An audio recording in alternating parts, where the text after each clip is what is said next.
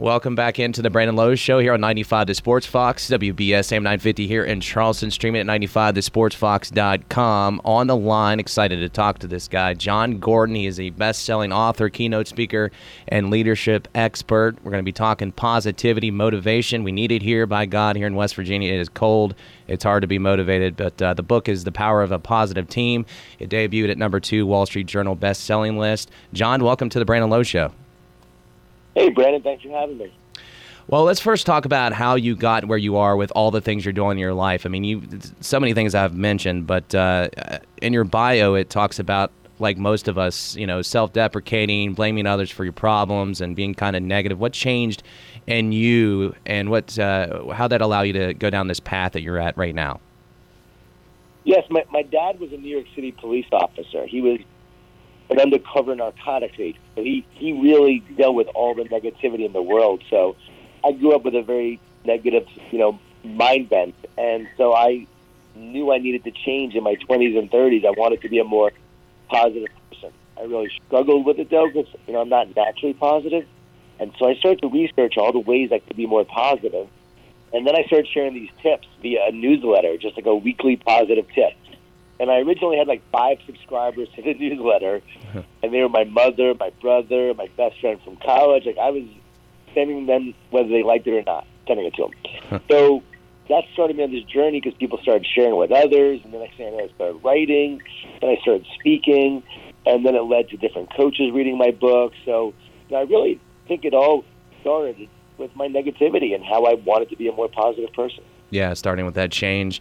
Of course, we're talking to you uh, not just about the book, but as you mentioned, you've worked with multiple sports teams and coaches and players, and we're going to get to that here shortly. Um, of course, you're down at the location of the Super Bowl. You'll be back there on Sunday as well, uh, which I'm extremely jealous of, by the way, John. I wish I was down there at the Super Bowl in Atlanta, but. Uh, these uh, these principles you express and live by, including in your other book, uh, Energy Bus, where you discuss those ten rules that basically live by and and uh, you know practice in boardrooms and locker rooms and in all kinds of places across you know these Fortune 500 companies. How do you assure and drive home your principles? That's the thing I always wonder about those trying to motivate and speak. How do you how do you drive home those principles, and what's the key to sustaining a consistent high level of leadership and positivity? Well, the key is to share the principle, the story, and the application. In any talk, in any presentation, anyone listening, if this is how you want to say an idea or a message or going to give a talk. Principles, story, application. So I share principles that work. They're proven principles. I share stories of great leaders and organizations and how they've used these principles and then how the people could apply it. And it works because, you know, a lot of times people are a little jaded, you know, a little cynical, like, yeah, Pollyanna positive. They think it's going to be just a bunch of fluff. And what they don't realize is this is about real positivity this is the real stuff that makes great leaders great, great teams great. And anyone who's ever overcome adversity and challenges and obstacles did so with optimism, belief, and hard work. I mean, this is about you got to work at it, you got to believe it, work hard, and create success. So, so I, I guess I just share the real stuff and, and from an authentic place. I drive home the message through principles and research. Can't argue with it.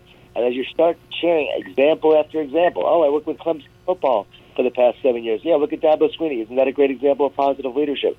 I work with the LA Rams and Sean McVay. Oh, this is what he's done, and this is how he has done it.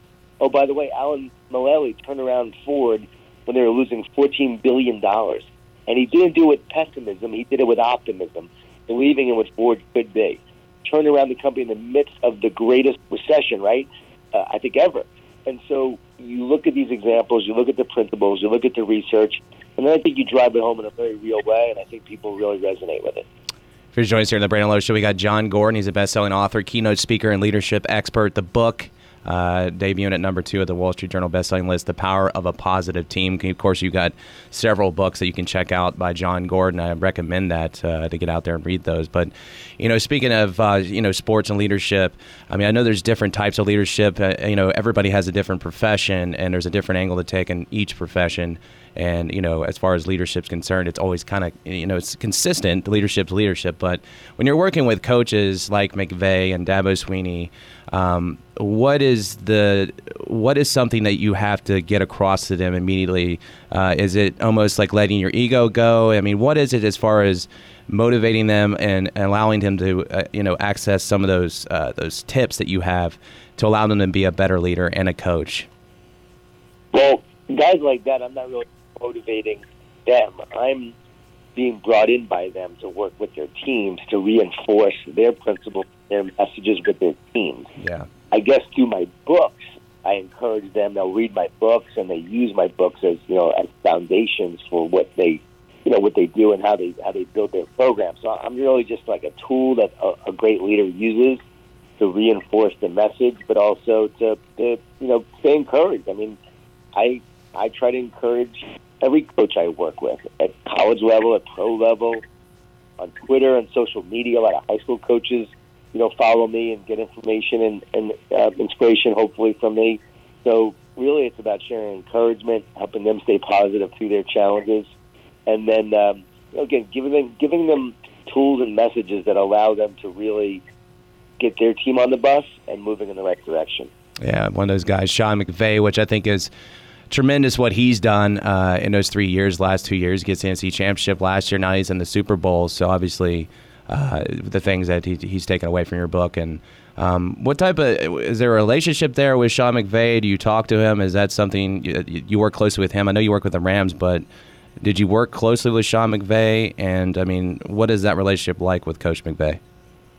Oh, we have a we have a great relationship. You know, we sat down a couple of years ago, talked about these principles that I wrote in "You Win in the Locker Room First, a book I wrote with Mike Smith, the former coach of the Atlanta Falcons. And so we wrote that book. He read that book, and that's how we, we connected. He, he reached out, and we, we got together and spent a few hours just talking about culture and building, you know, his program. This is before he, you know, walked the training camp with the team he then asked if I would speak to the team, so I spoke to the team during training camp, and then um, spoke again the, the following year. Spoke this year before before this season, and then yeah, we we stay in, contact. We text a lot and just um, talk about you know messages and just uh, you know just you know a bunch of things. We're friends, and um, you know I really just support him and think he's an incredible coach. I mean, he's just turned 33, yeah. and to see what he's done there is just amazing. I mean, when I met him, I was like, this guy off the charts. Like, his leadership blew me away. I couldn't believe how sharp he was.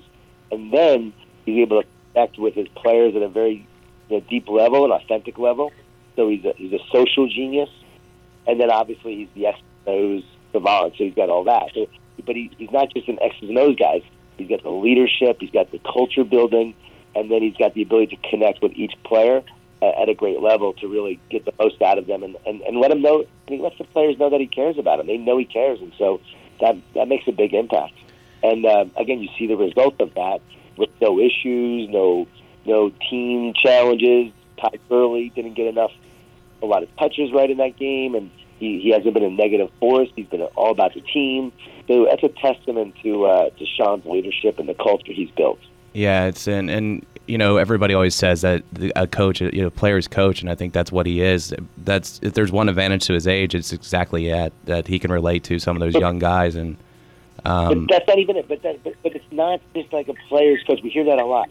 Yeah. He holds them accountable to to a very high standard. Yeah. So he he is able to connect with them, but they respect him. Yeah. As the leader, and it's not like he's their buddy.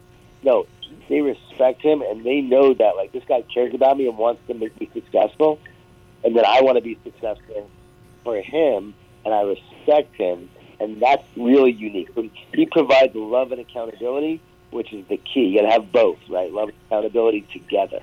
Yeah. I think it's crazy that Sean McVay is eight years younger than Tom Brady, and Tom Brady's playing quarterback. I think that's yeah, interesting. that is pretty. That's interesting. Pretty cool when you think about it. Um, all right. Uh, well, competition's one thing on sports, but I found it interesting because you've spoken with some Navy SEALs, and as we know, I've had military family. It's far from glamorous. Uh, you're away from your family. You're in remote locations. You're without luxuries afforded to civilian life, basically. So, for some it could be bleak. So when you're speaking with SEALs, what is that approach and how do you get that positivity? What's your approach when you're talking to somebody in that type of lifestyle compared to say like a coach or somebody else? Well, those guys do an amazing job with, with positivity and optimism, just how they stay together. And you know, when I'm talking to someone in the military like that, I, I'm I'm just giving some tools and strategies for leadership. I'm talking about they, they know about team building, but I might share some of the things that I've seen that work. Like we'll share ideas I learned from them.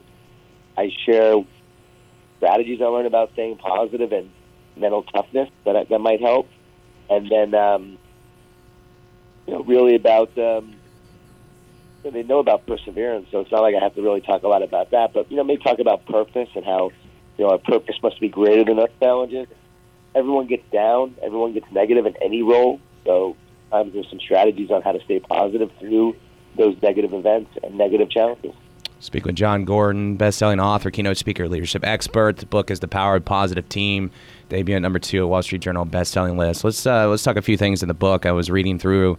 Um, you know, I like how you talk about out the gate creating culture, um, which I think is something that is important for anybody to try to do anything successfully. Um, it's something that I've tried to do with my radio show or, or whatever it may be in my life. Uh, those that you surround yourself with and the culture you develop is, is sort extremely important. I love that out the gate. And then you talk about a shared vision, which I think is definitely another important aspect. And then conquering your fears, I think something that you tackled in, uh, not letting fear win. Basically, you know, I think a lot of us don't live up to our highest level of achievements because of that fear, whether it's rejection or failure. Yeah, I couldn't agree more. We allow fear to set in, and instead of instead of fearing it, we need to love it. If you love it, you won't fear it. Love casts out fear. So love is more powerful than fear. And so if you show up every day loving what you get to do, loving the opportunity, loving life, and loving the people that you get to do it with, and even if you don't love them at times, you know, right, but you still come from a place of love, you will overcome that fear. The love and fear cannot occupy the same place. And so the minute you bring love to it, fear will dissipate. And I think so often we allow fear to sabotage us, but love is the ultimate driver of grit. Before I let you off there, I wanted to run this by you. It's something that I do, and I, when I'm getting kind of down and maybe not feeling as accomplished, I make a list of all, of the positives in my life, and then I read them over and over. Is this something that maybe you would recommend to somebody, or something similar? Of course. I was speaking once, and I asked people their success of the day, and the guy was in a wheelchair, and he said, I was able to move my toes today. And when you hear someone say that, you realize that gratitude is all about the small things in our lives, the simple things. We often focus on the big things, but there's always something to be grateful for, always something to be thankful for, and there's something in your life that is always better off than, than a lot of others.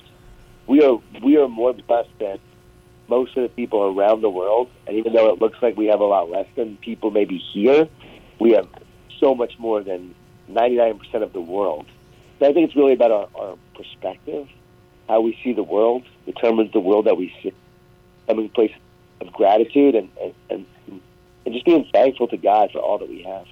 Certainly. He's Jon Gordon, best-selling author, keynote speaker, and leadership expert. The book is The Power of a Positive Team. It debuted at number two on the Wall Street Journal best-selling list. You can get it at all places, you know, Amazon.com. Uh, you can also get it at Barnes & Nobles. Uh, is there any other places that they can get it? Your website, I would imagine, too, as well, Jon. Your website has all the links, but we don't we don't sell books, but we link to all the bookstores at jongordon.com. That's J-O-N Gordon.com. All right, there he is, and uh, you certainly warmed me up a little bit with motivation. The wind may be blaring out there, Jon, but uh, I'm definitely motivated and ready to to kick the uh, the day's butt. All right, I love it. Thanks so much for having me.